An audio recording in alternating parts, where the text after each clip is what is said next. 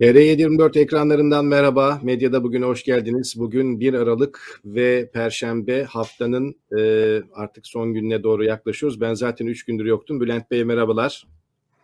Merhaba Mahmut Bey, sen de hoş geldin. Çok özlettin hoş kendini. Bilhassa izleyiciler se, se, seni çok seviyor. Herhalde neredeyse benden çok seviyorlar diye artık şeye girmeye başladım. Böyle e, kıskançlık krizlerine falan girmeye başladım. Tamam, sen yoksun diye izlemelerimiz tersi, düştü. Ben de tam tersi acaba ben yokken ne güzel Bülent Bey'le idare ediyorduk. Yani e, nereden çıktı bu demesinler diye düşünüyordum. Umarım öyle değildir. Yok yok. yok. Sağ olsunlar. Evet. Biz onları seviyoruz. Onlar da ikimizi de birlikte seviyorlar. Yani ayrı ayrı değil. Herhalde birlikte olmamızı daha çok istiyorlar. Eksik olmasınlar. Evet, e, dilerseniz şöyle yoğun bir gündem var. Ben her ne kadar bu üç gün biraz gündemden e, program yaptığım dönemde kadar haberdar olamadım. E, göz ucuyla takip etmeye çalıştım o yoğunlukta ama e, yine de şöyle bir bakalım neler var bugün itibariyle. Sizde de dolu bir gündem olduğunu görüyorum. Bende de e, oldukça notlar var. E, bunları paylaşmaya başlayalım dilerseniz. Ee, önemli bir haber var Birleşmiş Milletler'den gelen. Geçtiğimiz haftalarda da yine Birleşmiş Milletler'in Türkiye ile ilgili bir dava ile ilgili kararını açıklamıştık. Yine bir öğretmenle ilgiliydi. Bu kez de Gökhan Açıkkollu öğretmenle ilgili bir kararı var Birleşmiş Milletler'in. Bu kararın detaylarını sizden dinleyelim mi? Elbette kararın detaylarına girmeden önce Gökhan Açıkkollu'yu biraz hatırlatmak lazım. Gökhan Açıkkollu'yu hatırlıyorsunuz değil mi sevgili izleyiciler? Aslında yani sembol haline gelen birkaç tane fotoğrafla Gökhan Açıkkollu'yu, Gökhan öğretmeni e, zihinlerimize kazımıştık. O, e, 15 Temmuz'dan hemen sonra, 15 Temmuz'dan hemen sonra yaşanan o cadavının, o facianın aslında o büyük, büyük e, dramın en önemli sembol isimlerinden birisiydi Gökhan Açıkkollu. E, arkadaşlar peş peşe o fotoğrafları gündeme şeye ekrana yansıtırlarsa ben o fotoğraflarla başlamak istiyorum. E, bu son fotoğraf belki Gökhan Açıkkollu'nun hayatını kaybettiği kamera görüntüleri de vardı ama onu izleyicilerimize bir daha izletip o acıyı tekrar yaşatmak istemiyoruz. Hatırlamak yeterli. Bir insan cezaevinde, daha doğrusu gözaltında, İstanbul Emniyetinde, Vatan Emniyetinde bu şartlar altında ve e, işkenceden dolayı göğsüne yapılan darbe göğsüne vurulan darbelerden dolayı kalp krizi geçiriyor ve hayatını kaybediyor. Gökhan Açıkkollu'nun e, sembolleşen fotoğraflarından bir tanesi de öğrencileriyle beraber çekildiği fotoğraftı. Ailesiyle çekildiği fotoğraftı. Bunlar normal gündelik hayatı içerisinde e, işini seven, ailesini seven, öğrencilerini seven bir öğretmen portresi çiziyordu bize. Ama 15 Temmuz'dan sonra bambaşka fotoğraflarla zihinlerimize kazındı Gökhan öğretmen. Babasının gözyaşlarını hatırlıyor musunuz? Babasının gözyaşları, o e, o gözyaşları ve o bakış aslında herkesin vicdanlarını kanatması gereken, herkesin e, içine oturması gereken, tabii ki vicdanı olanlardan söz ediyoruz. Ka- tabii ki hala e, şurasında kalp taşıyanlardan söz ediyoruz. Bir et parçası taşıyorlarsa ki çoğunluk öyleydi. Ne yazık ki öyleydi. Ee, onların bu fotoğraftan etkilenmesini elbette beklemiyoruz. Bir başka fotoğrafta hainler mezarlığı fotoğrafı. Ee, düşünebiliyor musunuz? Bir insan hayatını kaybediyor ve onu hani cenaze merasimini yapacak hoca bulamıyorsunuz. Cenazesini yıkayacak insan bulamıyorsunuz. Cenazesini götürecek araba bulamıyorsunuz gömecek toprak bulamıyorsunuz, mezarlık bulamıyorsunuz. Hainler mezarlığı diye bir tabela koyuyorlar ve o tabelanın altına gömmenizi bekliyorlar, defnetmenizi bekliyorlar. Peki sonra ne oldu? Sonra bu Gökhan öğretmenin masum olduğu ortaya çıktı. Hatta o kadar ileri gidildi ki Milli Eğitim Bakanlığı görevine iade bile etti. Sonra ne oldu? Gökhan öğretmenin işkenceyle öldürüldüğü ortaya çıktı. Hem görgü tanıkları yani o anda onunla birlikte gözaltında bulunan insanların görgü tanıklığı hem de e, hastanelerden o zor şartlarda bile olsa alınmış raporlardan o iç, ipuçlarından e, adli tıp uzmanlarının verdiği karar bu adam iş, kesin işkence görmüş ve işkenceden dolayı hayatını kaybetmiş.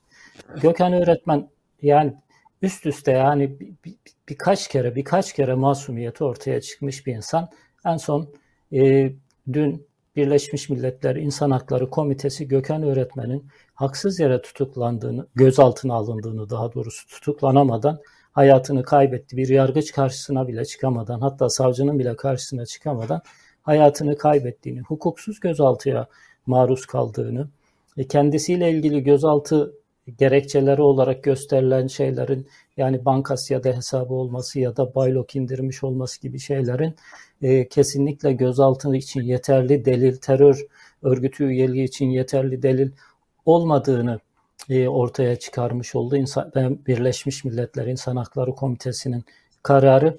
E, kötü muamele gördüğü, işkence gördüğü gene kayıt altına alınıyor ve bu BM tarafından yani dünyadaki herhalde en uluslararası çatı, en büyük çatı diyebileceğimiz Birleşmiş Milletler ve o Birleşmiş Milletler'in İnsan Hakları Komitesi tarafından e, kayıt altına alınmış oldu.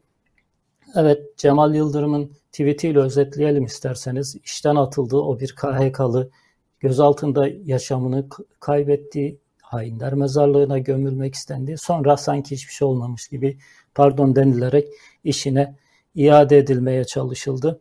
E, bir önceki kararda da e, BM İnsan Hakları Komitesi'nin altını çizdiği bir şey vardı. Bu sefer çok daha kalın, çok daha belirgin bir şekilde bir şey ifade ediyor.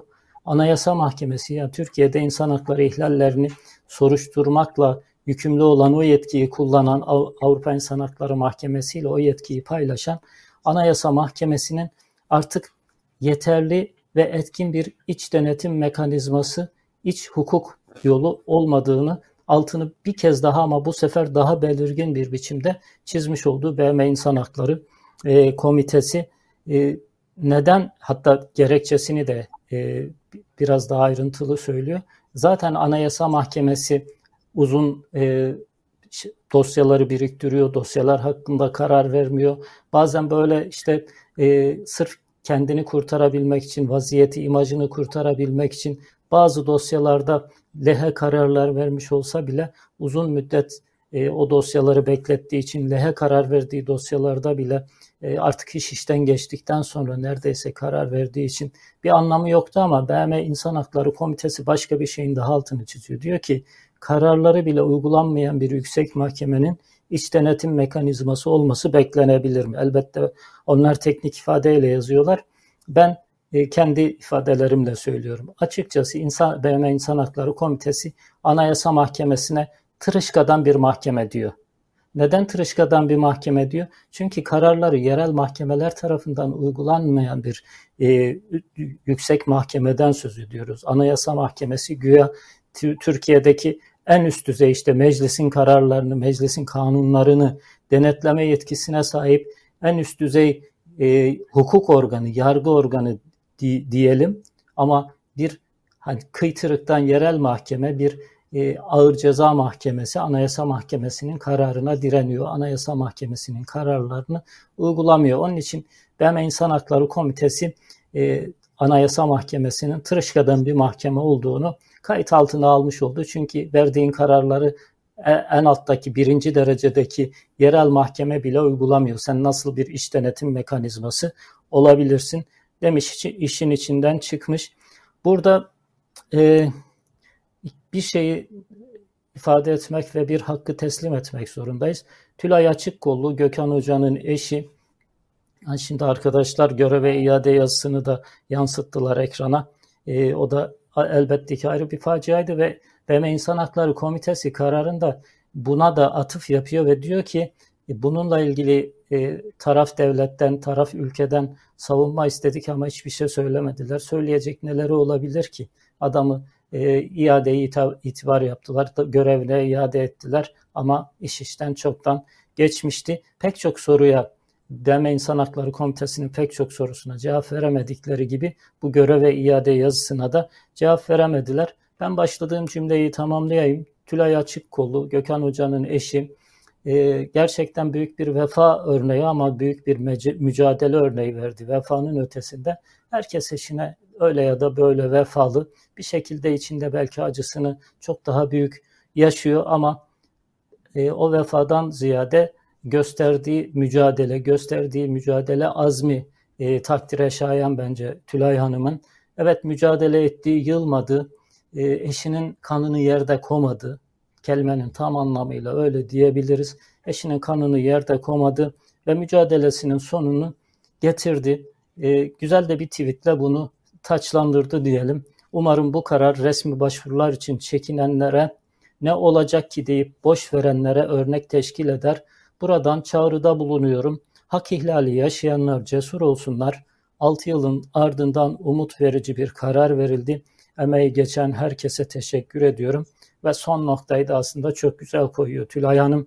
Diyor ki bu dönem hukuksuzluklara imza atanlara, pervasızca işkence yapanlara duyurulur, yargılanacaksınız. Elbette ki bu kararlar yani BM İnsan Hakları Komitesi'nin ya da Avrupa İnsan Hakları Mahkemesi'nin verdiği ihlal kararları bunların size yolsu elektrik olarak dönüşünü bekleyin. Bu ülkeye hukuk geldiği zaman işkenceyi yapanlar, bu işkencelere göz yumanlar, işkenceleri soruşturmayanlar, bu işkenceci düzenin payandaları haline gelmiş yargıçlar, bürokratlar, polisler ve siyasetçiler hepiniz yargılanacaksınız. Ama bu topluma da bu işkencelere göz yuman, bu işkencelere sırtını dönen, arkasını dönen e, toplumu da vicdanı yargılayacak, tarihi yargılayacak. Ama eninde sonunda herkes yargılanacak, hepimiz yargılanacağız. Biz de e, bulunduğumuz konumu, elimizdeki imkanları yeterince değerlendirebildik mi, yeterince mücadele ettik mi, Tülay Hanım'a ve Tülay Hanım gibi insanlara yeterince destek olabildik mi? Biz de bunun hesabını vicdanımız karşısında ve tarih karşısında vereceğiz. Evet, Birleşmiş Milletler'in bu önemli kararından sonra şöyle yavaş yavaş siyasete biraz giriş yapalım mı e, Bülent Bey? Yani bu hafta sonu sanıyorum e, CHP açısından en azından sıcak bir hafta sonu olacak. Çünkü aralığı bekleyin diyordu Kemal Kılıçdaroğlu. E, İngiltere'ye gitti, görüşmelerde bulundu, Amerika'ya gitti, temaslarda bulundu ve döndü. Döndüğünde nasıl geldi peki? Bu 3 Aralık'la ilgili bazı ipuçları da vardı dünkü e, 3 Aralık'la ilgili tweetinde ve videosunda. Bu videoyu izleyip dilerseniz şöyle bir bakalım 3 Aralık'ta CHP'nin ne açıklayacağına dair en azından biraz fikir yürütmüş olalım. Ey dünya, gözlerimize bak, iyice bak. Seninle rekabet etmeye geliyoruz. Teknolojide, sanayide, eğitimde, insan haklarında, kadın haklarında, özgürlüklerde, demokraside, hayvan haklarında, çevrecilikte, iyi olan her şeyde seninle rekabet etmeye geliyoruz. 3 Aralık'ı bekleyin.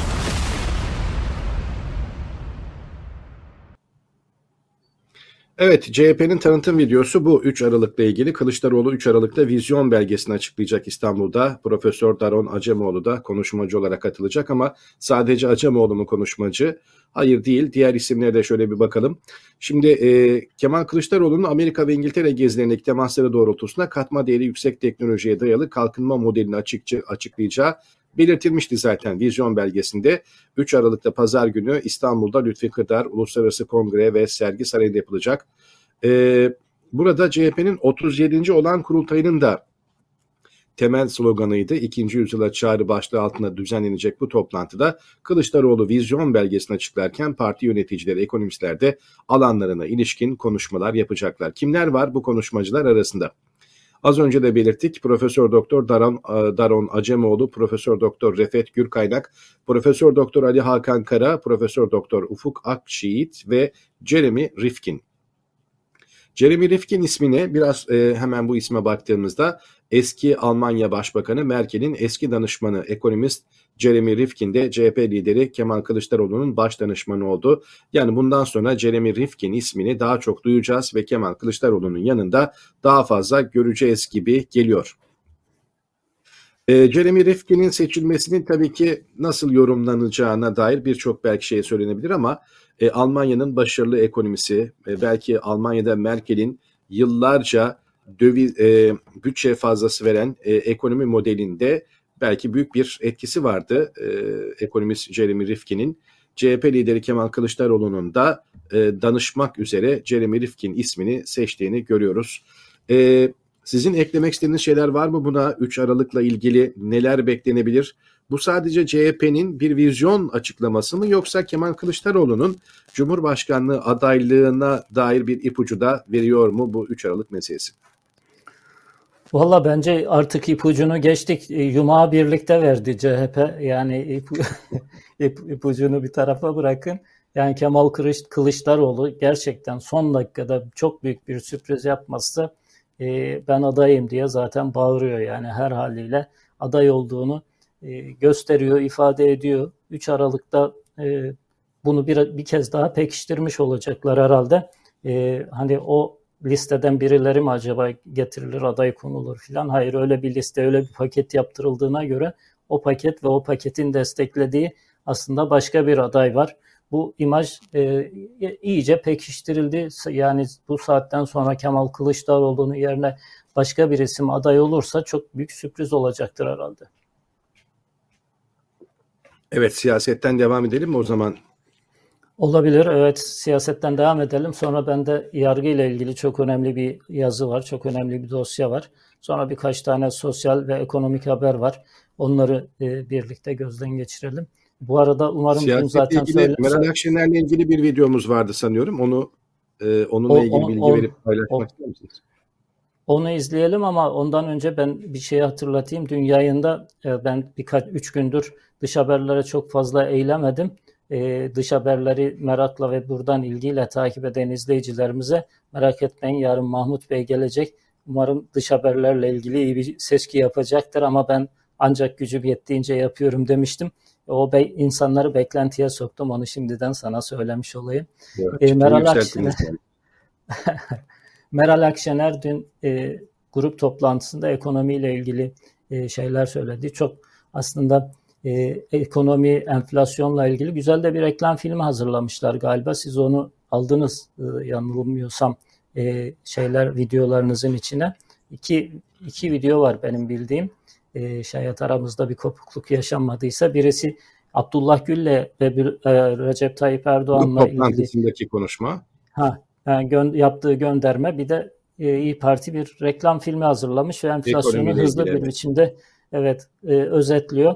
E, onun, önce isterseniz Abdullah Gül'den başlayalım. Grup toplantısındaki siyasi göndermeden başlayalım. Sonra oradan ekonomiye geçiş yaparız. Sonra da ekonomi haberleriyle devam ederiz.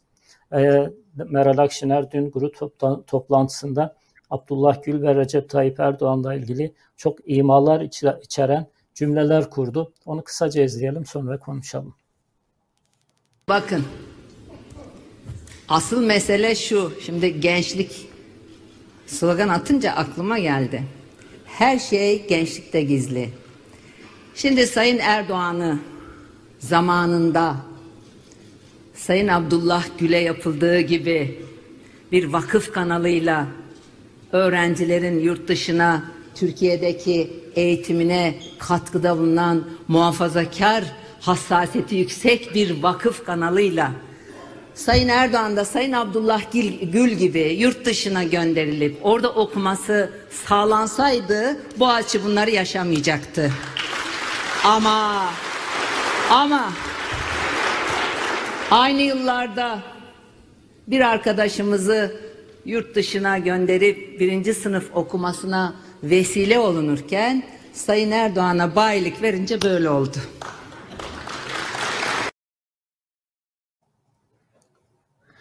Evet, bu İngiliz yetiştirilmesi meselesi nedir? Biraz isterseniz üstüne duralım. Şimdi e, Türkiye'de sanıyorum halen devam eden bir uygulama. Yani e, kaymakam adayları kaymakamlık görevlerinden önce birer yıl e, İngilizce öğrenmeleri ve yurt dışı görgülerini e, belki tamamlamaları için de hem Amerika'ya hem de İngiltere'ye gönderiliyor. Birer yıl eğitimden geçiriliyorlar. Halen devam edip etmediğini bilmiyorum. Tekrar altını çizmek istiyorum ama bunun dışında e, akademisyenlik için, yüksek lisans için, doktora için e, şu anda meclis kürsüsünde oturan insanların çoğunun CV'lerine baktığınızda ya yüksek lisanslarını ya doktoralarını ya da eğitimlerin bir kısmını yurt dışında yapmış insanlardan oluşuyor. Nedir bu İngiltere'de okuma meselesi ve İngiltere'de okuyan herkes İngiliz yetiştirmesi mi oluyor? Yani e, Abdullah Gül ve İngiltere deyince benim aklıma hep o fotoğraf geliyor. Siyah beyaz fotoğraf. Abdullah Gül İngiltere'de okurken yanında Hulusi Akar var, Fehmi Koru var. Birlikte çektirdikleri fotoğraflar. E şimdi İngiltere'de gelmiş ve eğitimini bir şekilde burada tamamlamış ya da yüksek lisans yapmış, eğitiminin herhangi bir bölümünde burada olmuş ya da dünyanın herhangi bir yerinde olmuş olan insanlar hep gittikleri ülkenin yetiştirmesi olarak mı algılanacak yoksa Abdullah Gül'e özel başka bir şey mi var? Abdullah Gül'e özel bir e, durum söz konusu diyebiliriz. Bunu aslında bilhassa da bizzat kendi partilileri yapıyor. Daha doğrusu Erdoğan taraftarları yapıyor. Erdoğan'ın algı makinesi Abdullah Gül'ün imajını bitirebilmek için parti içerisindeki e, ya da milli görüş siyaseti içerisindeki ağırlığını bitirebilmek için bunu bazen imayla bazen açıkça dile getiriyorlar. Bilhassa sosyal medyada çok kullanıyorlar. Aslında Abdullah Gül İngiltere'de herhalde bir yıl ya da iki yıl kalmış ama Suudi Arabistan'da üniversitede sekiz yıl kalmış. Orada öğretim görevliliği yapmış bildiğim kadarıyla. Mesela Suudi Arabistan'la Neden Arabistan geçmiş... yetiştirmesi demiyorlar? Yani işte niye? Çünkü işlerine ne geliyorsa onu kullanıyorlar. Ona bakarsanız e, yani Recep Tayyip Erdoğan'ın dört çocuğundan üç tanesi Amerika'da okumuş. Üniversiteyi orada okumuşlar. Yüksek lisanslarını orada yapmışlar. Kimse dönüp ki şu andaki en büyük düşman İngiltere'de değil Amerika biliyorsunuz.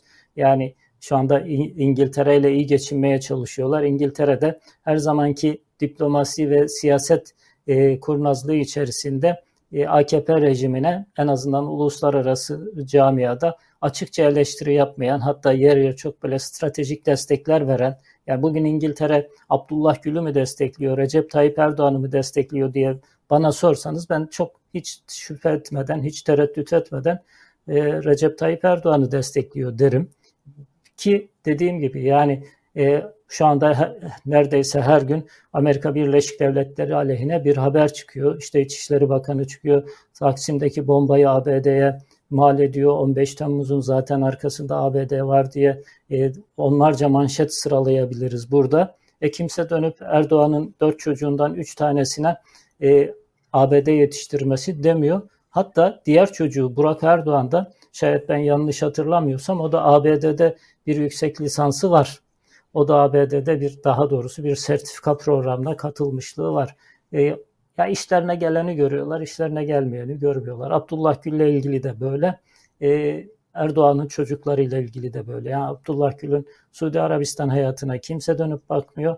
Ya da Recep Tayyip Erdoğan'ın çocuklarının işte bir tanesinin en azından İngiltere'deki eğitimine, diğer üç tanesinin de çok daha uzun süreli ve bütün lisans eğitimi boyunca e, ABD'de ve yüksek lisanslarını da bazıları orada yaptılar. ABD'de yapmış olmalarına kimse dönüp bunlar ABD uşağı demiyor. Dediğim gibi ya, algı, algı oluşturmada seçicilik. Eski normal şartlarda algıda seçicilik. Yani insan bazı şeyleri algılamakta seçici davranır. için kafasındaki, şuur altındaki ya da o günlerde yaşadığı şeylerle ilgili bazı şeyleri görür, bazı şeyleri görmez diyorlar. Bu algıda seçicilik. Bir de algı operasyonlarında seçicilik var. O da biraz önce anlattığımız şey. Kraliçe Elizabeth hayattayken e, Abdullah Gül'le görüntülerin altına hep benzer böyle yorumlar atılmıştı. Belki hatırlarız, e, bizi izleyenler de hatırlayacaktır. Eşiyle birlikte kraliçeyle görüşmesinde günlerce bunlar konuşulmuştu. Ama aynı fotoğrafları neredeyse Erdoğan da verdi kraliçeyle ama hiç benzer şeyler söylenmedi onunla ilgili. Aynı mantık işte biraz önce söylediğim mantık. İşlerine geldiği evet. gibi görüyorlar. Bir de İyi, Parti'den bahsetmişken sanıyorum bir videodan daha bahsetmiştik. Bu da ekonomiyle ilgili bir video ama biraz e, uzun bir video. Bilmiyorum kısaltacak ya da e, hızlandıracak mıyız? E, Aslında uzun değil de o kadar yavaş geçiyor ki. Evet. Yani normalde bir, bir buçuk dakikalık. yani uzun geldi. Yani neredeyse videoyu kapatacaktım. Böyle yavaş filan.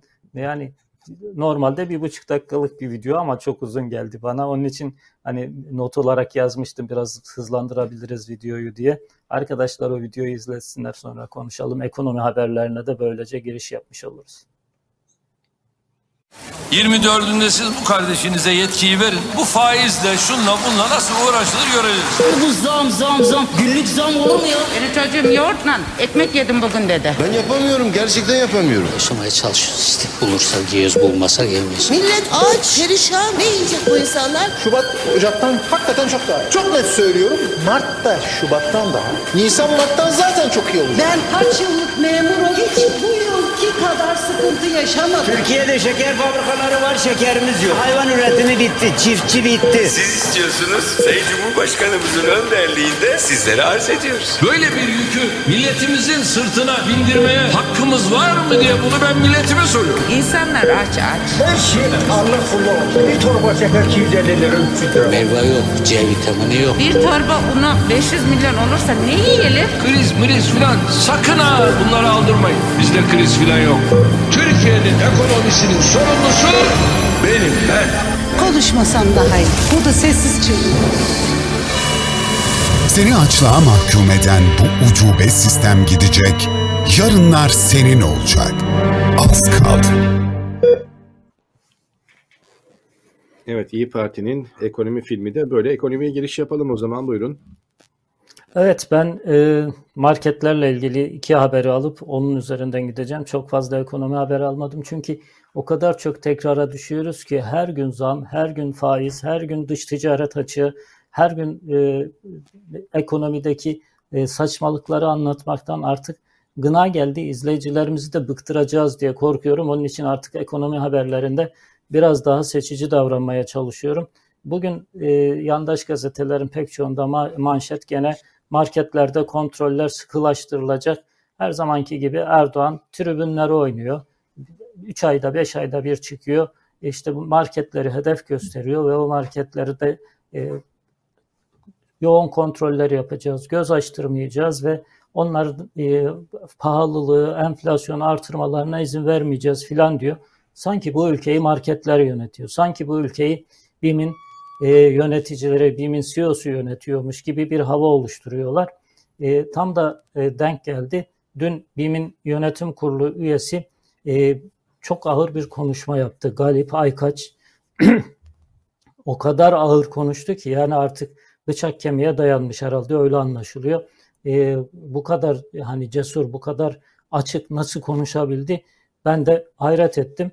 E, Galip Aykaç diyor ki sıklaştı, e, üretimde maliyet enflasyonu var.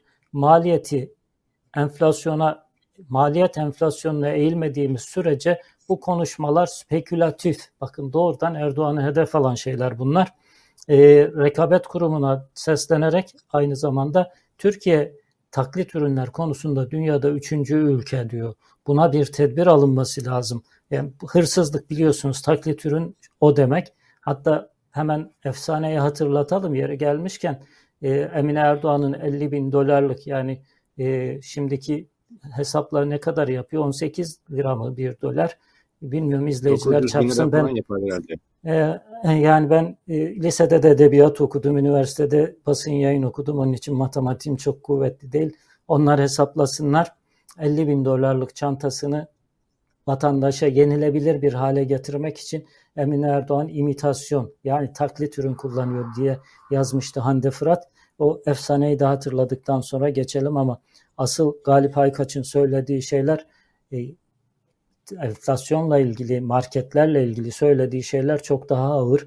Arkadaşlar onu yansıtırlarsa ben kırmızıyla da önemli yerlerini çizmiştim. Onu birlikte okuyalım. Diyor ki e, bizim enflasyondan arıldı, arındırılmış ve sadece nominal, nominal kar rakamlarına bakarak olumsuz yorum yapan trollere, maaşlı televizyon yorumcularına, bizi terörist ilan edenlere gerçekten artık e, adam yani bıçak kemiğe dayanmış. Ülkenin değerlerine değerlerine saldıranlara ilan vermiyoruz diye gazete sayfalarını boş bırakanlara ilan vurgusu çok önemli. Yani ilan verirken e, yağlı kaymaklıydık. Şimdi ilan vermediğimiz için bizi hedef gösteriyorsunuz diyor. E, bu şeydeki fotoğraftaki herkesi e, tek tek işaretlemiş ve tek tek hepsini ateş etmiş. Yani hiç kimseyi ıskalamamış. Depo basıp yağları halka dağıtırım diyen iş bilmez yöneticilere, valiler vardı hatırlarsanız.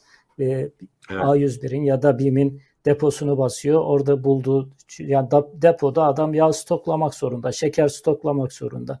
Oradaki yağ şey, şekeri görüp e, bunları halka dağıtırım. İşte yöneticilerinizi çevir, çağırın, şöyle yaparım, böyle yaparım diyenler var.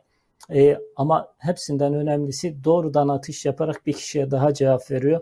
Hatırlarsanız geçen hafta Devlet Bahçeli e, bu üç harfli şirketlerin, üç harfli marketlerin arkasında FETÖ var mı diye bakmak lazım. Onlar bu enflasyonu kızdırıyorlar, azdırıyorlar filan demişti. Doğrudan ona cevap veriyor. FETÖ örgütüyle bizi tehdit eden parti liderine söyleyeceklerimiz var diyor. Ve ağzına geleni söylüyor ama nihayetinde asıl ana tema şu diyor ki bu, bu ülkede bir maliyet enflasyonu var ki bu maliyet enflasyonunu TÜİK bile inkar edemiyor. Mesela tarım üretim e, fiyat endeksini her seferinde açıkladıklarında burada paylaşıyoruz. İşte %138'di yanlış hatırlamıyorsam en son paylaştığımız rakam. Yani tarladaki domatesin fiyat, üretim maliyeti %138 arttıysa kardeşim ben bunu markette daha ucuza nasıl satabilirim diye soruyor adam. Önce buna cevap verin. Buna cevap vereceklerini çok düşünmüyorum, çok zannetmiyorum. Ee, bir algı operasyonu devam ediyor ama nereye kadar bu algı operasyonuyla başarılı olacaklar? Bugünlerde mesela asgari ücret konuşuluyor. Asgari ücretin 5 bin liradan 13 bin liraya çıkması konuşuluyor. Düşünebiliyor musunuz? Bir asgari ücretin 5500 liradan 13 bin liraya çıkması, ha 13 bin liraya çıktığı zaman asgari ücretliyi kurtaracak mı? Kurtarmayacak. Belki birkaç ay sonra gene çünkü asgari ücretteki bu artışı da hatırlarsanız çok önemli ekonomistler dediler ki bir ay bilemediniz iki ay sonra bu asgari ücrete verilen zam eriyecek ve asgari ücret eskisinden daha kötü duruma gelecek.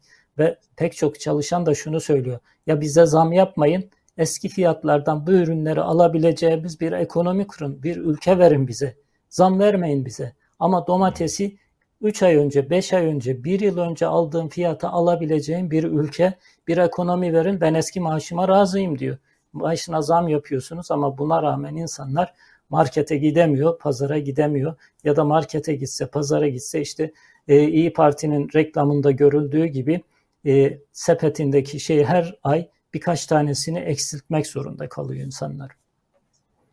Evet, BİM yöneticisinin sözlerine ben birkaç tane daha ekleyeyim o zaman. Çünkü e, Devlet Bahçeli'ye yönelik sözlerini siz de aktardınız. Bizi tehdit eden parti liderlerine söyleyeceklerimiz var. Bu ülkenin güzel insanları sizlerin yalanlarına hiçbir şekilde itibar etmediler. Üç harfler diye bizleri farklı yere koymaya çalışanlara karşı söyleyeceklerimiz var demişti. Ama maliyetle ilgili şeylerden bahsettiniz. Bunlara örnekler verelim. Mesela BİM İcra Kurulu üyesi Galip Aykaç aynı zamanda diyordu ki sektörde kar oranı en fazla yüzde dört. Hiç kar etmesek bile enflasyon zaten düşmeyecek. Yani enflasyonun düşmemesiyle ilgili bizi suçlayanlara yönelik e, bir açıklama yapıyorum diyerek bunları söyledi. Yine maliyetle ilgili domatesi tarladan 0 liraya alsak rafa getirene kadar maliyeti 7,5 liraya kadar çıkıyor dedi. Sebzenin %85'i marketler dışında satılıyor. Sebze enflasyonunun sebebi nasıl biz olabiliyoruz diye de sordu. Tabii e, uzun bir konuşma birçok detayı var ama çarpıcı bölümlerini en azından paylaşmış olalım biz de. E, ekonomiyle ilgili haberler devam edecek misiniz? Ben açmışken hemen birkaç tane ekleyeyim mi? E, ben buraya bir, bir, bir cümle ekleme yapayım. Ondan sonra siz devam edin. E, o da şu, biliyorsunuz bu büyük marketler aslında rekabeti e, çok e, ihlal et, etmekle suçlanıyorlar. Rekabeti ihlal etmekle suçlamalarının sebebi de şu, e, bunlar çok ucuza e, ürünleri alabiliyorlar. Çünkü gidiyor toptan alıyor. Mesela diyelim ki 1500 tane mağazası varsa gidiyor Antalya'da 3-5 tane tarlayı, 3-5 tane üreticiyi bağlıyor ve ondan ürününü toptan alıyor. O toptan almanın avantajından yararlanıyor. O toptan alıp toptan nakliyesinin ve aracıları aradan çıkarmasının avantajlarını kullanıyor ve şehirlerdeki bilhassa büyük şehirlerdeki küçük satıcıları, bar, marketleri, bakkalları hatta pazarcıları bile e, tehdit ediyor. Yani tehdit ediyor dediğim şey olarak, ekonomik olarak onların yaşamalarına imkan vermiyor. Çünkü böyle bir şeyle, böyle bir güçle rekabet edemezsiniz deniyordu. Bunun yanında süt ürünlerinde ya da başka ürünlerinde kendilerine özel e, kurumsal üretim yaptırdıkları için çok daha ucuza mal ediyorlar. Ondan dolayı çok ucuza satıyorlar. Biz marketler, bakkallar bunlar nasıl rekabet eder, ederiz diye insanlar haklı olarak serzeniş içindelerdi. Yani tam tersine enflasyonu şayet bu hani buna dizginlenmiş diyebilir miyiz bilmiyorum ama bu üç e, ya da beş tane büyük e, market zincirinin aslında enflasyonun yükselmesini durdurucu bir etkisi vardır diye düşünüyorum ben. Çünkü bu zaten başından beri böyle konuşuluyordu. Bunlar çok daha ucuza mal edebiliyor, çok daha ucuza nakledebiliyor, çok daha ucuza satabiliyor. Biz bunlarla nasıl rekabet ederiz diyordu marketler ve e, hatta pazarcılar. Evet ben hemen birkaç başlık ekleyeyim. 35 dakika geride bırakmışız. Türkiye ekonomisinin 9 çeyrek sonra küçülmesiyle ilgili TÜİK'ten açıklama geldi. Gizem e, Güzem Yılmaz Ertem de diyor ki faizi 10 puan indirip enflasyonu 66 puan yükselttik. 91 milyar dolar rekor dış ticaret açığı verdik. Rezervlerden 100 milyar dolar feragat ettik. 9 çeyrek sonra ekonomimiz daraldı. Sonuç kuru 18'lerde tuttuk. Evet artık dediğiniz gibi e, bu haberler artık o kadar alışıldık hale geldi ki işte Türk İş'in 4 kişilik ailenin açlık sınırının 7785 lira olmasını açıklaması gibi her gün, her hafta, her ay neredeyse bu tür açıklamalar, bu tür hesaplamalar yapılıyor. Bizler de bunları paylaşıyoruz ama e, artık bu da bir süre sonra herhalde e, bağışıklık e, yapmaya başladı e, insanlara. Şimdi e, biraz taksi meselesine de yer vermek istiyorum ekonomiyle ilgili. Çünkü siz e, sanıyorum e, pazartesi ya da salı günü taksiyle ilgili haberleri görmüştüm, yapmıştınız. Taksi meselesi İstanbul'da çok büyük bir sorun. Geçtiğimiz günlerde Fatih Altaylı da e, Taksiciler Odası Başkanı ile yaptığı programda e, hastaneden çıkıp eve gidebilmek için 4 kilometre yürümek zorunda kaldığını ve o kadar taksinin e, belki el kaldırmasına rağmen durmadığını, kendisini köpek gibi hissettiğini söylemişti. E, bununla birlikte başlayan tartışma aslında çok gerilere gidiyor. Yani e, İstanbul'da belediyenin sürekli taksi arttırmayla ilgili talepleri UKOME tarafından şimdiye kadar defalarca reddedildi. Taksicilerin artık Türk müşteri almadığı, sadece Arap ya da turistse bunları aldığıyla ilgili şikayetler var. Bunlara sosyal medyada neredeyse her gün e, yenilerini görüyoruz. Şimdi birkaç tanesini hemen paylaşayım.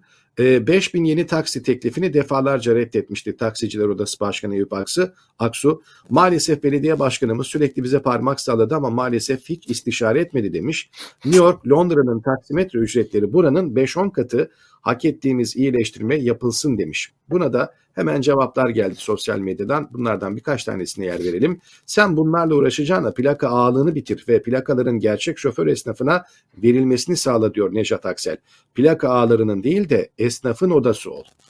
New York ve Londra'daki asgari ücretleri de verirse hükümet neden olmasın demiş Deniz Kite. Ülkemizdeki asgari ücret bir çalışanın saatini 31 lira civarında tutmakta. İstanbul'da in bin 28 lira yani bir işçi bir saat çalışıp in bin için ödeyecek sadece o ücreti. Vicdan herkese lazım akılla birlikte demiş. Özgür Demirtaş da Uber'i geri istiyoruz diyordu attığı tweette. Politikacılara sesleniyorum. Bir tane taksici odası başkanı ve 3-5 tane taksi plakası sahibine bu halkı yev edemezsiniz. Geçen gün Anadolu yakasından Avrupa yakasına gitmek için 40 dakika taksi aradım. 3 boş araç almadı. Yeter artık diyordu. Taksicilere e, Uber'le ilgili ne düşünüyorsunuz dedim diyor Mesut Çevik. Abi hak yiyor bir plaka kaç lira haberin var mı diyor, diyor taksi şoförü. Plaka senin mi dedim. Nerede abi kiraladım dedim. Aracın plakan kira. Uber'le direkt kendi işin olacak, kendine çalışacak. Plaka ve araç sahibi aradan çıkacak dedim ama anlamadım. Evet Türkiye'den e, Uber'in çıkması, Uber'in yasaklanması ve Uber'cilerle taksiciler arasındaki kavgaları hatırlıyoruz zaten. Ekrem İmamoğlu'nun da e, attığı belki yeni verdiği haberle tweetle devam etmiş olalım. İstanbul'a 2125 yeni taksi geliyor dedi. İstanbul'un taksi sorununu çözmek için attığımız adım sonuç verdi. İhtiyaç fazlası 1803 minibüs ve 322 dolmuşun taksiye dönüştürülmesi UKOMA'de onaylandı. İstanbul'un ihtiyaç duyduğu sayıda taksi için mücadele devam edecek. Yeni taksiler hayırlı olsun demiş. Evet neredeyse 20 milyona yaklaşan bir nüfustan bahsediyoruz. E, bu 2000, 3000 hatta 5000 yeni taksi katılması e, şöyle atılan bir damla gibi olacak belki taksi konusundaki sıkıntıları giderecek mi? Bu da ayrı bir konu ama sanki sayıyla değil e, tamamen mantaliteyle ve belki ahlakla alakalı bir şey. Çünkü e, siz de sanıyorum programda bahsetmiştiniz. E, bu taksilerin aslında sahipleri taksi ağalığı diye bir şey var. E, şoförlerin çalışanların belki yaptıkları yanlışlar ayrıca tartışılabilir ama konunun arkasında çok daha farklı bir mesele var.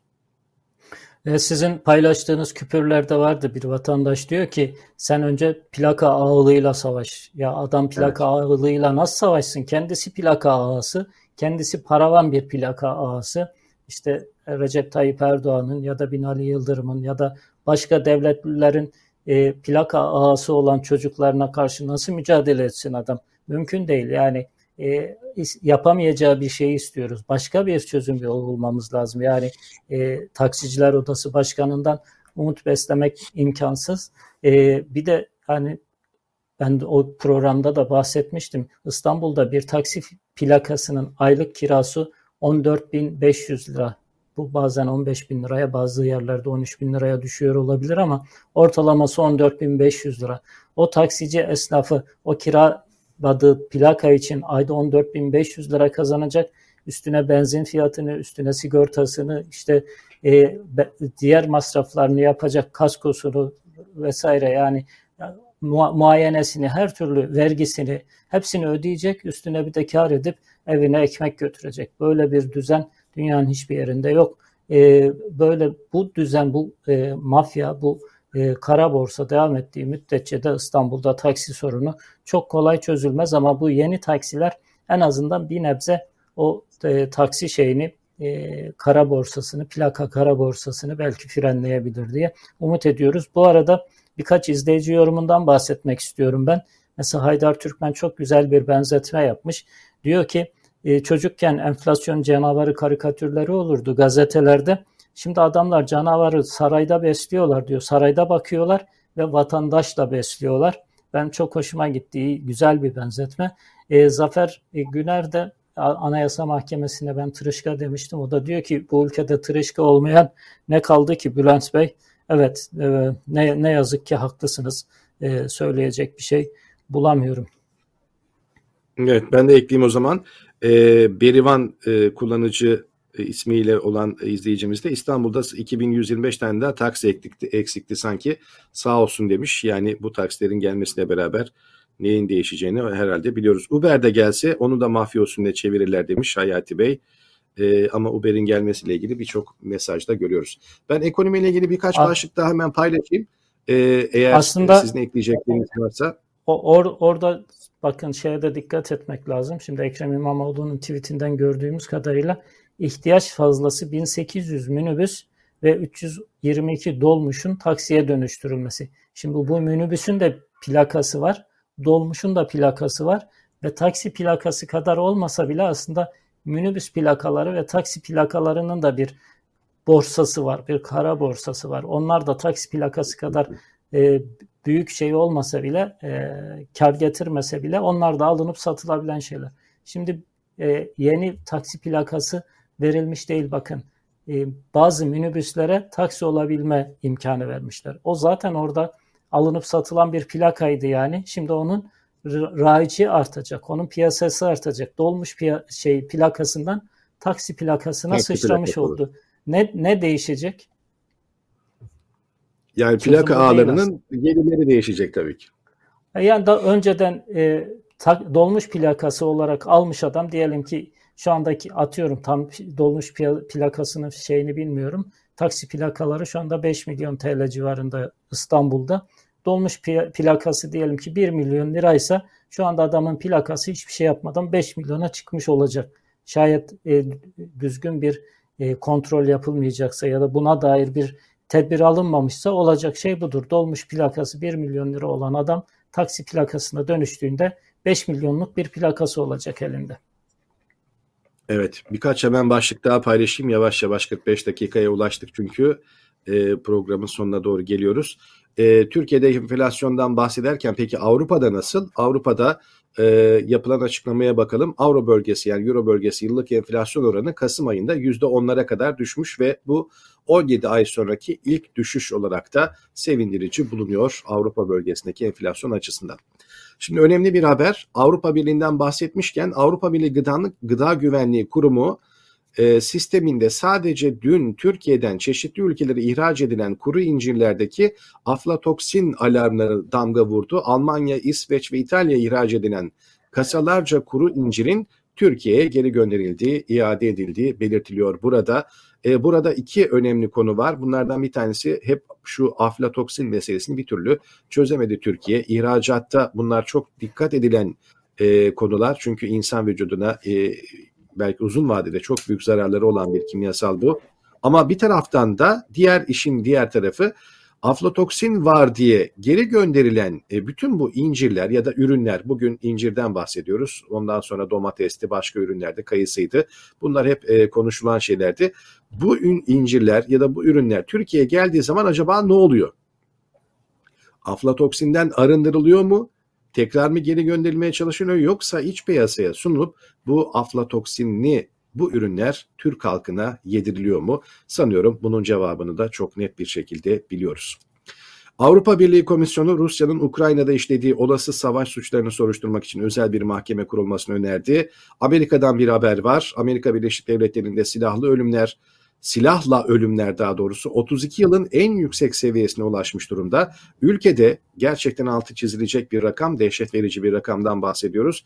32 yıl içinde 1 milyondan fazla insan silahlı saldırılarda hayatını kaybetti.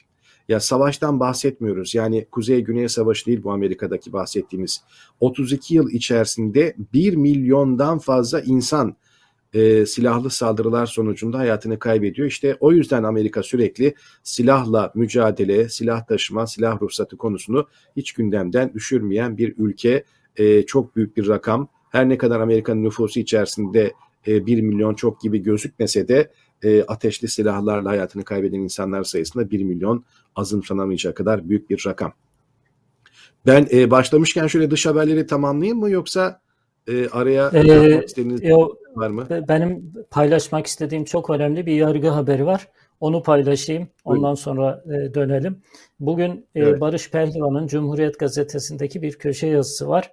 E, bu köşe yazısını e, ben e, Haber Veritas diye Twitter'da bir Twitter kullanıcısı var. Bu aynı zamanda YouTube'da e, Doktor Dilek Ekmekçi bir e, ceza hukuku doktoru ve aynı zamanda avukat.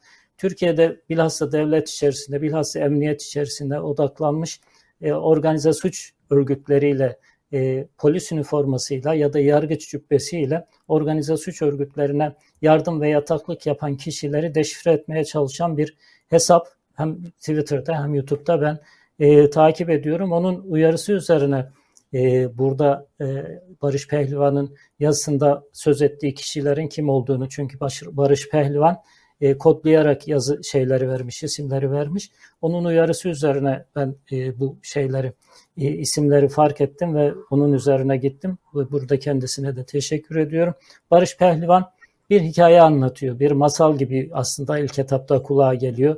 Yargıcın biri, işte istihbaratçının biri ve bir uyuşturucu kaçakçısı bir gün diye başlayan bir hikaye aslında. E, ama ne yazık ki bir masal değil, bir hikaye değil, bir gerçek. Barış Pehlivan'ın yazısında daha önce de aslında pek çok haberini e, görmüştük. Bu konuyla ilgili birçok haber bizim TR724'ün internet sitesinde ve TR724'ün YouTube kanalındaki videolarda da gündeme gelmişti. Bu e, yazıya e, konu olan kişiler isimlerinin baş harfleri sadece yazıda var ama bu kişilerle ilgili haberler, bu konuyla ilgili haberleri internet sitemizde ve YouTube kanalımızda da biz e, defalarca gündeme getirmiştik. E, AK isimli bir iş kadını, NK isimli bir uyuşturucu kaçakçısına uyuşturucu kaçakçısı olduğunu bilmeden bir alacak verecek ilişkisine giriyor. Borç alıyor. 2 milyon 9, 293 bin yaklaşık 3 milyon TL'lik bir borç alıyor. Fakat bu kişinin mafya olduğunu, uyuşturucu kaçakçısı olduğunu fark etmiyor. Sonra e, bu kişi e, ben senden para istemiyorum, ben senin şirket hisselerini istiyorum diyor ve e, sıkıştırmaya başlıyor. Sonra da bu sıkıştırma içerisine başkaları da karışıyor. MIT'ten, MIT'te görevli olduğu söylenen bir kişi ve Yargıtay'da görevli bir yargıç, yüksek bir yargıç e, de devreye giriyor ve bunlar yerine göre arabulucu oluyorlar. NK ile AK'nın arasını bulmaya çalışıyorlar. Yerine göre tam tersine kadından daha fazla e, para koparmaya çalışıyorlar. Bu e, ilişki öyle bir hale geliyor ki kadın artık hem şirket hisselerini devrediyor hem o paranın bir kısmı e, olduğu söylendiği için e, 200 bin doları e, Ömer Faruk Altıner, Aydıner isimli Yargıtay üyesine e, vermek zorunda kalıyor. Yargıtay üyesi aldığı bu 200 bin lira, 200 bin doları NK diyor ki ben bu parayı Ömer Faruk Aydıner'den aldım. Yargıtay üyesi eski Bakırköy Cumhuriyet Başsavcı Vekili. Ben ondan aldım bu parayı ona ödemen gerekiyor. Kadın onu ödüyor. Ömer Faruk Aydıner Yargıtay üyesi bununla da yetinmiyor. 500 bin TL'de e, kar istiyor. Çünkü ben o parayı işte sana borç verdim. Do, dolarda yatırsaydım ya da başka şey yapsaydım artık nasıl diyorsa 500 bin lirada kar istiyor. Kar payı istiyor. E, kadıncağız onu da veriyor. Sonra e, o istihbaratçı dedikleri kişinin evinde üçü bir araya geliyorlar ve Ömer Faruk Aydıner kadını tehdit ediyor. Yani istediklerini yapmazsan biz bu adamı durduramayız filan diye. Tam mafyatik bir düzen yani. Tam mafyanın e, nasıl çalıştığını görmek istiyorsanız aslında bu yazıyı, bu haberi okuyabilirsiniz.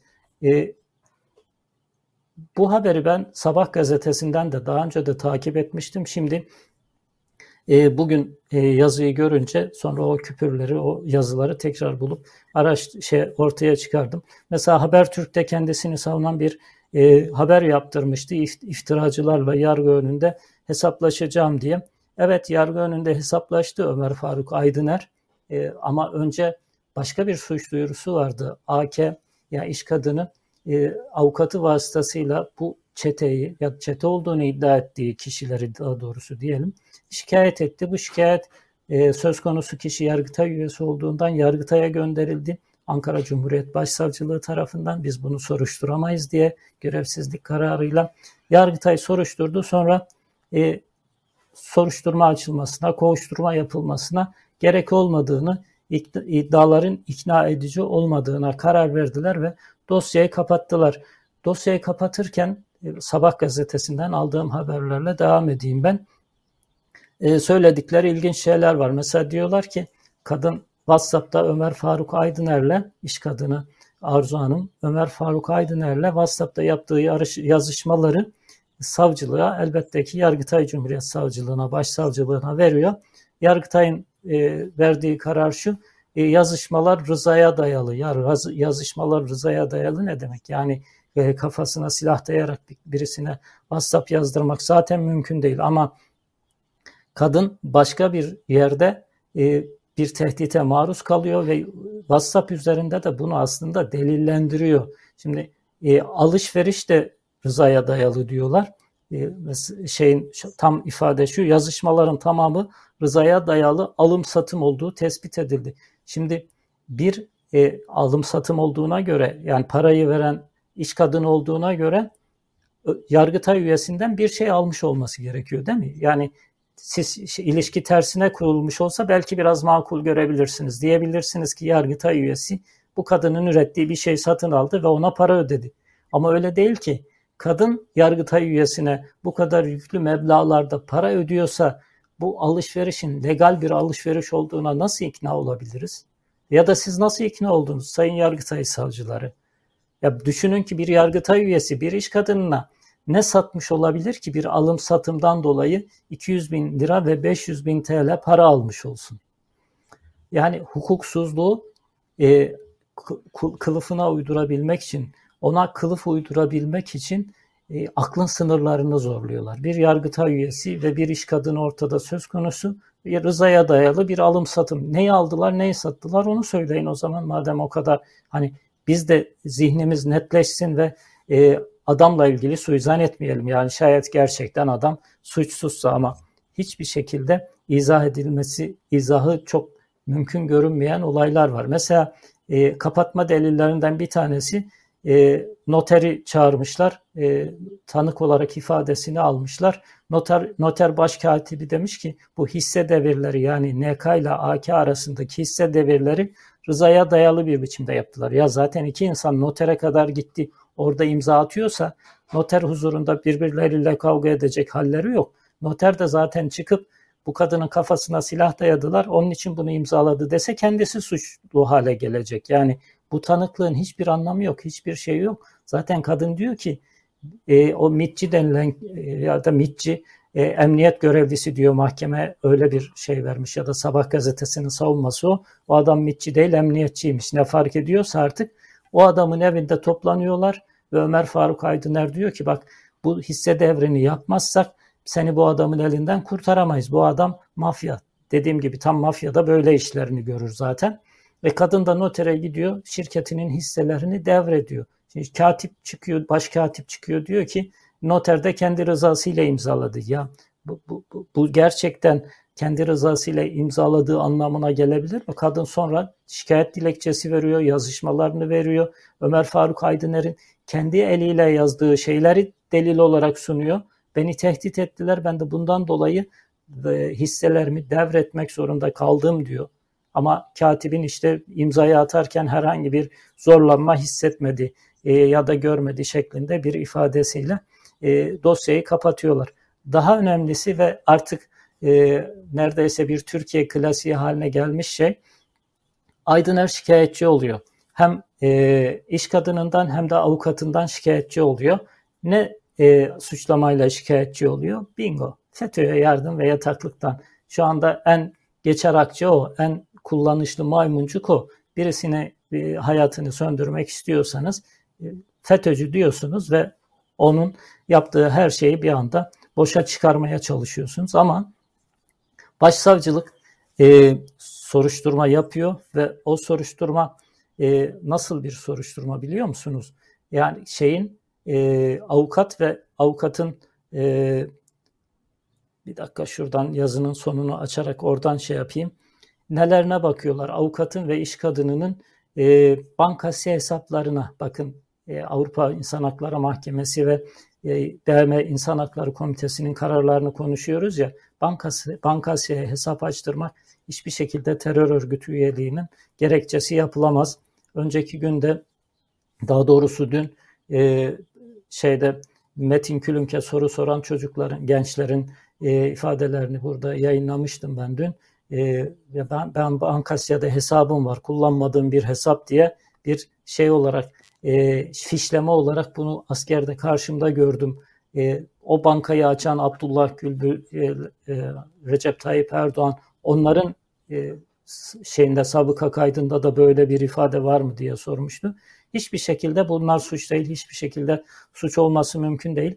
Ama kadının Bankasya'da hesabı var mı diye avukatının ve iş kadınının Bankasya'da hesabı var mı diye bakmışlar. İstihbaratla ilgili her türlü araştırmayı yapmışlar. Hatta o kadar ileri gitmişler ki belki bir irtibat, iltisak, o iltisak denilen e, kelime var ya dünya hukuk literatürüne tersten girecek bu kelime. İltisakı var mı diye KHK'lılarla e, bir telefon görüşmesi var mı, bir HTS kaydı var mı diye ona bile bakmışlar. Yani herhangi bir KHK ile atılmış öğretmenle ya da işte e, mal müdürlüğünde çalışan bir memurla, bir hemşireyle irtibatını bulsalar onu bile delil olarak koyacaklar. O kadarcık bile bir irtibat ve iltisak bulamadıkları için kadınla ilgili Ömer Faruk Aydıner'in şikayet e, dosyasını da bu şekilde kapatmak zorunda kalmışlar. Ama düşünün ki Ömer Faruk Aydıner uyuşturucuyla mücadele kurulu üyesi bir adam. Bir uyuşturucu kaçakçısının bir kadının malına çökme operasyonuna aracılık ediyor. Mafya yancılığı yapıyor, yandaşlığı yapıyor ve bu adamla ilgili ortada bunca delil varken o e, dosya kapatılıyor ve Yargıtay o dosyayla ilgili hiçbir şey yapmıyor, üyesini yargılamıyor. Şaşırdık mı? Bugünkü Yargıtay'dan e, şaşırtıcı bir hareket değil. Bugünkü Yargıtay'a çok yakıştı bence. Bugünkü Yargıtay üyelerin ancak böyle bir karar verirlerdi. Bugünkü Yargıtay yapısı ancak böyle bir karar verirdi diyeyim ben bu konuyu kapatmış olayım. Ha bu arada evet, bir şey daha vardı. Onu o, onu da ekleyeyim. Eşini de Bakırköy Kadın Cezaevine doktor atayabilmek için oradaki cezaevi doktorunu hem DHKPC'den hem de FETÖ'den suçlayarak işinden uzaklaştırdılar. Bakırköy'de Cumhuriyet Başsavcı Vekiliyken Ömer Faruk Aydıner düşünün ki bir yani böyle bir kompozisyon böyle bir e, şey hani bileşim nasıl mümkün olabiliyor? Bir, bir kişi aynı zamanda hem FETÖ'cü hem DHKPC'li diye nasıl suçlanabiliyor? Suçluyorlar ve nihayetinde e, her türlü çıkarı elde ediyorlar. Ondan sonra da işte burada da görüyorsunuz mahkemeye gidiyorlar, haberlere erişim yasağı getiriyorlar ve e, şayet böyle yurt dışından yayın yapan bizim gibi kanallar olmasa hiç kimse bu tür gerçekleri de öğrenemeyecek.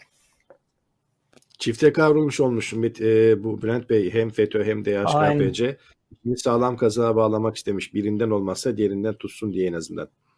Aynen, evet, emniyet ve yargıdan bahsetmişken ben de hemen madem dış haberlere geçmeden elimdeki birkaç köprü paylaşayım. Bunlardan bir tanesi de şu. Emniyet tutuklu yakınlarına yardım edenleri tespit etmek için tam 10 bin ATM kamerası incelemiş. Daha e, geçtiğimiz haftalarda bunların haberlerini yapmıştık. Tutuklu yakınlarına yardım edenlere yönelik operasyonlarda e, 10 bin ATM kamerasının incelendiği haberi var. Emniyet 10 bin tane kamerayı incelemek için harcadığı vakti acaba bunun sadece onda birini İstanbul'daki kameraları ya da değişik yerlerdeki kameraları incelemek için kullansa, MOBESE kameraları mesela, acaba İstanbul'da İstiklal'deki o patlama olur muydu ya da daha şimdiye kadar kaç tane suçlu yakalanırdı ama işte saatlerce, binlerce saat mesai yapıp 10 bin tane ATM kamerası incelemişler. Peki devam edelim. Sakarya Üniversite Sakarya'da üniversite ben, öğrencisi ben, Merve Ben o, o, oraya bir ekleme yapayım. Bakın Aynı şey bankasya için de geçerli, ATM için de geçerli. Bu insanlar kanun dışı bir iş mi yapıyorlar? Hayır. ATM'ye git para yatırmak yasak mı? Hayır. ATM'ye sadece e, kimlik kartı üzerinden kimlik bilgilerini vererek para yatırmak yasak mı? Hayır. Bu suç mu? Hayır. E peki nasıl buradan bir suç üretiyorsunuz? Yani yakında herhalde nefes almayı suç haline getirecekler ve nefes aldın diye insanlara ceza kesmeye kalkacaklar. Bakın dediğim gibi zaten hukuk dışı bir işlem olsa, yasa dışı bir işlem olsa ATM'lerde bunu yapamazsınız. ATM'lerde binlerce, milyonlarca insanın zaten yaptığı işlemi yapan birilerini seçiyorsunuz. Ha, bu teröristtir diyorsunuz ya da bu teröre yardım yapmıştır. E peki öbürü ne, nasıl yap, e, neye göre onu e, ayıklıyorsunuz? Yani alnında birilerine bir şey mi yazıyor? Kameraya bakarak neyini fark ediyorsunuz? E, ATM'de yani, yapılan şey ne olur? Ancak para havalesi olur. Yani ATM'de yapılan işlemin hiçbir hukuksuzluğu yok. Oradan bir suç üretiyorlar. Söylediğim bu. Zaten suç olan bir işlemi ATM'de yapamazsınız. Evet. Yani yapan insan da aptal değil zaten tutup da bunun suç olduğunu bilse gidip de bir yere e, yasal olmayan bir yere de havale yapacak kadar. E, Sakarya'dan bahsetmiştik. Sakarya'da üniversite öğrencisi Merve K'ye Bindiği minibüste sürücü Serdariye cinsel saldırı teşebbüsünde bulunmuş. Merve K'nın şikayeti üzerine gözaltına alınan saldırgan Serdariye'nin cinsel saldırı dahil 30 ayrı suç kaydı oldu ve 6 gün önce cezaevinden çıktığı öğrenildi. Şimdi alın size Türkiye. İşte e, Türkiye'de tımarhanede bugün diyoruz ya bunlara örnek olacak bir haber. E, 30 tane ayrı suç kaydı var. E, birkaç gün önce cezaevinden çıkmış. Az önceki haberle bağlantılandıralım. İşte tutuklu yakınlarına yardım eden insanlar şu anda cezaevinde ama 30 tane ayrı suç kaydı olan cinsel saldırı dahil bu insan şu anda elini kolunu sallayarak dolaşıyor Sakarya'da. Üstüne üstlük bir de minibüsün sürücülüğünü yapıyor. Yani ona aslında bir toplu taşıma görevi verilmiş ve burada artık demek ki bu 30 tane suç kaydı minibüs şoförlüğü yapmasına engel görülmemiş ki e, toplumda insanlarla, üniversite öğrencileriyle iç içe olabileceği bir e, yere gelmesinde de sakınca görmemişler. Evet, Sabah gazetesi Sabah gazetesi evet. bu baş, bu haberi hangi başlıkla vermiş biliyor musunuz? Bu sapığı kim minibüsçü yaptı? Ya bu sorunun cevabı kim? Ya bu ülkede ben güvenliği temin et hayır, temin etmesi gereken kişi ben miyim? Ki, kim yani? Kimden soruyorsunuz bu hesabı? Yani bu kadar sabıkalı bir adam böyle bir işi e, alıyorsa ve bir yani daha cezaevinden tahliye olduğunun 6. günü gidip bir kızcağıza hayatı zindan ediyorsa, taciz yapıyorsa, işkence yapıyorsa e, bunu önlemesi gereken kişi ben miyim? Bunu önlemesi gereken sizin de biraz önce dediğiniz gibi ATM faresi gibi gidip insanların ATM'de para yatırırken çekilmiş görüntülerini takip eden emniyettir, polistir. Hatta biraz daha ileri gidin. Gerçi onun şeyi değildir ama istihbarat diyecektim ama istihbarat sınırları koruması lazım. O da sınırları korumuyor. Elini kolunu sallayan gelip e, istiklalde bomba patlatıyor. Bir haber daha ekleyelim. Gerçekten tımarhaneye dönmüş bir ülkede üzücü bir haber bu ama e, üzerine de gerçekten kafa yorulması, eğitimcilerin, pedagogların sosyal olarak belki çok fazla şey söylenebilir ama her alanda incelenmesi gereken bir vaka. Çünkü Mersin'de 12 yaşındaki bir kız çocuğu sınavdan düşük not aldığı için kendisiyle dalga geçtiğini iddia ettiği arkadaşını O da yaklaşık 12 ya da 13 yaşında sanıyorum. Okul tuvaletinde önce hortumla dövmüş sonra da bıçaklayarak öldürmüş. O bıçağı oraya nasıl soktu, o psikolojiye nasıl geldi, nasıl bir çevrede yetişti, nasıl bir psikolojiyle okula geldi, e, bütün bunların belki cevaplanması gerekir ama böyle birkaç dakikada e, buna yorum yapmak ya da e, bir şeyler söylemek çok zor ama Türkiye'de artık bu tür haberler görmeye gerçekten alışmak üzücü bir olay. Birkaç başlık hemen paylaşayım mı dilerseniz dış haberlerden madem e, beklenti vardı. Sanıyorum süremiz de biraz uzadı ama çok hızlı bir şekilde aktarmaya çalışayım bunları vaktimiz varsa. Ya izleyicilerimiz de devam edebilirsiniz gibi e, söylüyorlardı. İsterseniz zaten sizin e, dönüş gününüz bugün biraz e, sabırlarını isteyelim. Biraz daha uzatabiliriz. Çünkü siz program başında dış haberler konusunda çıtayı yükselttiniz. Şimdi bunları aktarmadan kapatırsak bu sefer hani dış haberler diyecekler. Ee, onlardan evet. birkaç tanesini hızlandırılmış bir şekilde vermeye çalışayım. Ee, ondan sonra müsaade isteyelim zaten. E, Twitter'ın aldığı kararları görüyoruz. Artık Covid ile yanlış bilgilendirme konusunda mücadele etmeyecek. Pandemi sırasında Covid hakkında yanıltıcı tweetleri e, engelliyordu ama bundan sonra artık bunlara son verdiğini söyledi Twitter. Twitter'da daha tabii neler neler değişiyor. Her gün yeni böyle sürprizlerle karşılaşıyoruz. İngiltere ve Galler'de son 10 yılda Hristiyanların sayısı ilk kez %50'nin altına düştü. Hiçbir dine mensup olmadığını söyleyenlerin oranı %37'ye yükseldi. Müslümanların sayısında artış var ama tabii çok büyük bir rakam değil. 4.9'dan 6.5'e yükselmiş İngiltere'deki Müslümanların sayısı. Ama bu gazetelere bile yansıdı. Hatta gazeteler dün e, neredeyse e, nüfusun yarısından daha azı e, Hristiyan diye çıktı. Hatta ve hatta İyi Gazetesi karanlık çağlardan bu yana Birleşik Krallık'taki Hristiyanların e, ilk defa azınlığa düştüğüne e, yer verdi. Gazete kiliselerin kadın hakları, kürtaj ve cinsellik hakkındaki görüşlerinin de gençlerdeki ya da insanlardaki Hristiyanlığa karşı bakışlarını sorgulattığını ve din bu düşüşteki etkisinden de bahsediyor. Şimdi İngiltere'den devam edelim o zaman. Ee, biraz ırkçılık konusunda bir haber. Ee, İngiltere'nin kıdemli bir polis memuru Sussex düşesinin e, kraliyet ailesinde geçirdiği süre boyunca hayatına iğrenç tehditlerle karşı karşıya olduğunu söylemiş. E, bu da şu anlama geliyor. Daha önce hatırlayacaktır bizi izleyenler. E, Prens Harry e, Meghan Markle'la evlendikten sonra yaşadığı sıkıntılarda ki hatta bunlardan bir tanesinde e, şimdi doğacak çocuğun rengi kahverengi mi olacak ya da siyah mı olacak şeklinde sarayda bile bu tür şeylerin konuşulduğunu ve bunlardan rahatsızlık duyulduğunu hep e, belirtmiştik. Renginden dolayı yaşadığı ırkçı saldırıların hayati tehlikesini belki ve da hayati tehditlere kadar e, geldiğini de öğrenmiş oluyoruz. Yani Amerika'ya taşınmalarında bunun büyük bir etkisi olduğu söyleniyor. Şimdi ırkçılıktan bahsedilmişken yine saray ve yine bir ırkçı e, ırkçılıkla ilgili bir skandal var. Daily Express vaftiz annesinin Prens Williams'ın vaftiz annesinden bahsediyoruz. E, bir toplantı sırasındaki sözlerinin kabul edilemez olarak nitelendirildi e, ve bu gazetede e, Prens William'ın Amerika'ya gelişini gölgede bıraktığını söylüyor. Nedir bu olay? E, burada bir hayırsever e, siyahi bir kadına İngiltere'de doğmuş olduğunu bilmesine rağmen yani doğum yeri İngiltere ve İngiliz olduğunu bilmesine rağmen e, Prens William'ın e, vaftiz annesi sizin aslında doğum yeriniz neresi, Afrika'nın neresindensiniz, hangi bölgesindensiniz diye soruluyor. E, bu tür sorular belki Türkiye'de normal karşılanabilir. Yani neresindensin Afrika'nın sorusu çok garip gelmeyebilir ama e, İngiltere'de İçinden misin? Sözler, e, e, İçinden evet, misin? Afrika'nın neresindensin? E, bu tür sorular büyük bir ırkçılık olarak değerlendiriliyor ve e, bugün bütün gazeteler neredeyse İngiltere'de bunlarla dolu. E, gazetelerin çoğu siyahi bir yardımseverin e, bu e, durumuna karşı Lady Hussey'in kraliyet ailesinin en kıdemli üyelerinden birisi olmasına rağmen bu sözler sonrasında istifa etmesine yol açan bir skandaldan bahsediyor. E, burada e, Buckingham Sarayı'ndan e, bahsedilmiş. Buckingham Sarayı'ndaki bir resepsiyonda Afrika'nın hangi bölgesinden olduğunu sorması e, bir e, kraliyet felaketi olarak da değerlendirilmiş bu başlıkta. Evet hemen hemen neredeyse bütün gazeteler böyle Daily Mirror'da da büyük bir utanç kaynağı olarak verilmiş ve görevlerinin istifa etmesine sebep olabilecek kadar büyük bir skandal olarak görülmüş. E, The Times gazetesinden e, bir başlık ama e, bu konuyla ilgili başlığa geçmeden önce sağlıkla ilgili bir kötü haber var. kalp krizi geçiren hastaların bekleme sürelerinin neredeyse bir saate yaklaştığını haber veriliyor İngiltere'de. İngiltere'de sağlık sistemi zaten çok uzun zamandır masaya yatırılması gereken bir sorun olarak görülüyor ve bununla ilgili sıkıntılar da giderek büyüyor. İşte sadece bir kalp krizinde bile bekleme süresinin bir saat olduğuna yer veriyor The Times gazetesi.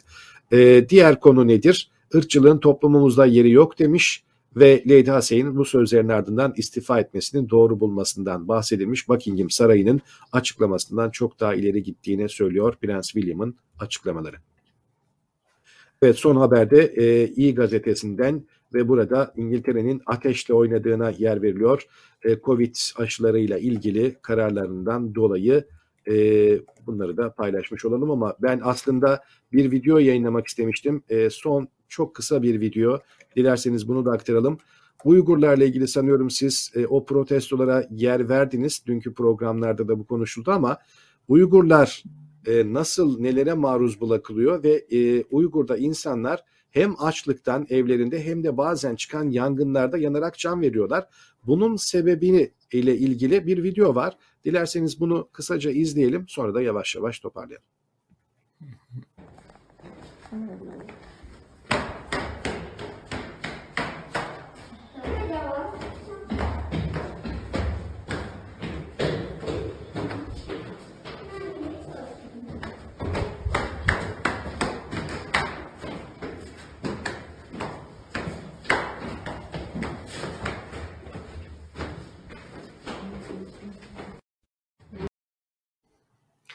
Evet, Çin devletinin, Çin hükümetinin gerçekten çok akıl almaz, kimi zaman da e, vahşi politikaları var. İnsanlar evlerinden çıkamasın diye gördüğünüz gibi kapıları dışarıdan tellerle bağlanmış. Şimdi benzer uygulamalar Çin'in birçok şehrinde özellikle Covid ile ilgili e, belki karantina bölgelerinde var. Kapıları, apartmanların kapıları kaynaklarla kapatılıyor. O e, apartmanda bir yangın çıksa, acil bir hasta olsa nasıl çıkarılabilecek tabii insanların çıkması mümkün değil. İşte o yüzden de zaten bu tür insanlar ya ölerek ya da çıkan yangınlarda yanarak hayatını kaybediyorlar. Çin'in akıl almaz uygulamalarından bir tanesi bu Uygurlarla ilgili uygulamada aynen bu şekilde diyeyim ve ben e, sözü size bırakayım. Evet ben de bir videoyla bitireceğim ama videodan önce bir karikatür göstermek istiyorum. Ee, Süleyman Soylu'nun, Sefer Selvi'nin karikatürü bu. Süleyman Soylu Birleşik Arap Emirlikleri İçişleri Bakanı'yla gitti, e, görüştü biliyorsunuz. Fotoğraf çektirdi. Şöyle sizinle de bir fotoğrafın olsun olsun isterdim dedi. Şimdi e, yayınlayacağımız video İbrahim Kalın, Cumhurbaşkanlığı Sözcüsü, Cumhurbaşkanlığının baş danışmanı. E, İsveç'te İsveç'in e, ana kanalı olan, kamu yayıncısı olan SVT'ye bir röportaj veriyor ve röportaj yarım kal, kalıyor. İbrahim Kalın e, ve sorulan bir zor soru üzerine bu senin söyle, söylemin FETÖ söylemi, PKK söylemi, e, PKK, e, PKK ağzıyla, FETÖ ağzıyla konuşuyorsun deyip röportajı yarıda kesiyor. E, peki muhabir ne soruyor? Muhabir diyor ki e, Türkiye mafyanın ve uluslararası kriminal suçluların bir merkeze haline geldi iddiası var. Buna ne diyorsunuz diyor. Orada ip kopuyor İbrahim Kalın senin farklı bir ajandan var diyor. Sen işte PKK ağzıyla konuşuyorsun, FETÖ ağzıyla konuşuyorsun ve e, yayını yarıda kesip kalkıyor. E peki muhabir sorduğu soruda haksız mı? Ya arkadaş bu ülkede mafyanın artık e, koleksiyonu içerisinde, fotoğraf koleksiyonu içerisinde İçişleri Bakanı'yla fotoğrafı olmayan mafya lideri ikinci sınıf görülüyor. İçişleri Bakanı ile fotoğrafı çıkmayan mafya liderini aşağılıyorlar. Lan bir İçişleri Bakanı ile fotoğrafı bile yok filan diyorlar. E, haksızlar mı? E, daha e, iki hafta önce İstanbul'da Sırp mafyası birbiriyle çatıştı. Birisi öldü, öbürün e, şeyinde villasında arama yapıldı. Üç tane ceset çıktı iddia ediliyor ama emniyet bunu yalanlıyor. Gerçekten çıktı mı çıkmadı mı bilmiyoruz. Yani mafyanın sadece yaşadığı bir alan değil, çatıştığı bir alana dönüştü ve zaten çatıştıklarında birbirlerini öldükler, öldürdüklerinde fark ediyoruz ki aa bak Sırp mafyası burada, aa bak Gürcü mafyası da buradaymış, aha bak işte Azeri mafyası, Rus mafyası da gelmiş filan. Neredeyse o tavernadaki e, piyanistler gibi şey yapacaklar. Aa işte buyurun şey de geldi, e, Bulgar mafyası da geldi filan. Türkiye'de iş tutmayan mafya mı kaldı arkadaş? E adam bunu soruyor. yayınlanan e, uluslararası medyada yayınlanan haberleri, raporları soruyor. Türk medyasına ancak e, öldüklerinde haber olan mafya liderlerini soruyor. İbrahim Kalın bu soruya cevap vermek yerine İsveçli bir gazeteciyi PKK ağzıyla, FETÖ ağzıyla konuşmakla suçlayıp yayını bitiriyor. Yayından kaçıyor tam anlamıyla. Evet biz bu videoyla bitireceğiz. Ee, bizi bugün de izlediğiniz için, sabırla izlediğiniz için teşekkür ediyoruz. Bu saat olmuş hala 634 kişi yayınımızı izlemeye devam ediyor. Hani devam edelim mi etmeyelim mi e, şeyine düşünce, tereddütüne düşünce pek çok izleyicimiz de burada e, devam edin sabaha kadar biz izleriz e, mesajı yazdılar. Hepinize e, teşekkür ediyoruz. E, beğenileri lütfen unutmayın. Bak e, e, son fırsat e, beğenileri unutanlar varsa hemen işaretlesin. Çünkü ben başlarken de yazdığım gibi 4-5 dakika sonra işaretledim ancak bazen yoğunlukta insan unutabiliyor. E, yarın sabah haftanın son programında aynı saatte görüşmek üzere. Hoşçakalın. Allah'a emanet olun. E, İbrahim Kalın ve SVT videosuyla programımızı kapatıyoruz. Hoşçakalın. İbrahim Kalin. Merhaba. Merhaba. Nasılsınız? But if you are implying that Turkey somehow uh, provides haven for these people, protects them here, that's completely baseless, completely outrageous to make such a claim. If that's your implication, your insinuation, I completely reject it. As I completely reject your accusation or insinuation that Turkey has become a hub for cocaine traffic or, or drug dealers, etc. There is no fact for that. Where is that? You are citing me one report, I don't know who they are, what, what report uh, they've written, uh, but you're accusing an entire country of something terrible. Turkey has not become a safe haven for gangsters or criminals. We give a very, very severe fight against uh, any kind of drug dealers, illegal human trafficking. Uh, you can look at, look at our uh, records. You can look at the number of people arrested. You can look at the number of drugs, cocaine and other things confiscated. Uh, many have tried to use Turkey as a transit to Europe and we've stopped this. Med anledning av den här debatten så upprepar jag mina frågor om Turkiet blivit en ny hubb för kokainsmuggling och om internationella kriminella känner sig säkra här. I know that extraditions no, you have a different agenda important. here. No, no you have I a have different agenda. I have not actually. No, no, but it's I know a, a that different in the. NATO discussions, You are making baseless accusations, saying that Turkey has become a hub for cocaine traffic, mafia leaders. Till slut anklagar presidentens talesperson mig för att ha en dold agenda med mina frågor. That is PKK speaking, that is FETÖ speaking. That is not honest journalism. We I have know- heard these claims many, many times. Don't think that we will be intimidated by that kind of stuff. This is, this is not honest journalism. You're making baseless accusations, taking them as facts, on the basis of which you're asking me questions, and you want me to answer them. These are ridiculous questions. Anyway, I don't want to continue this. Can you stop this?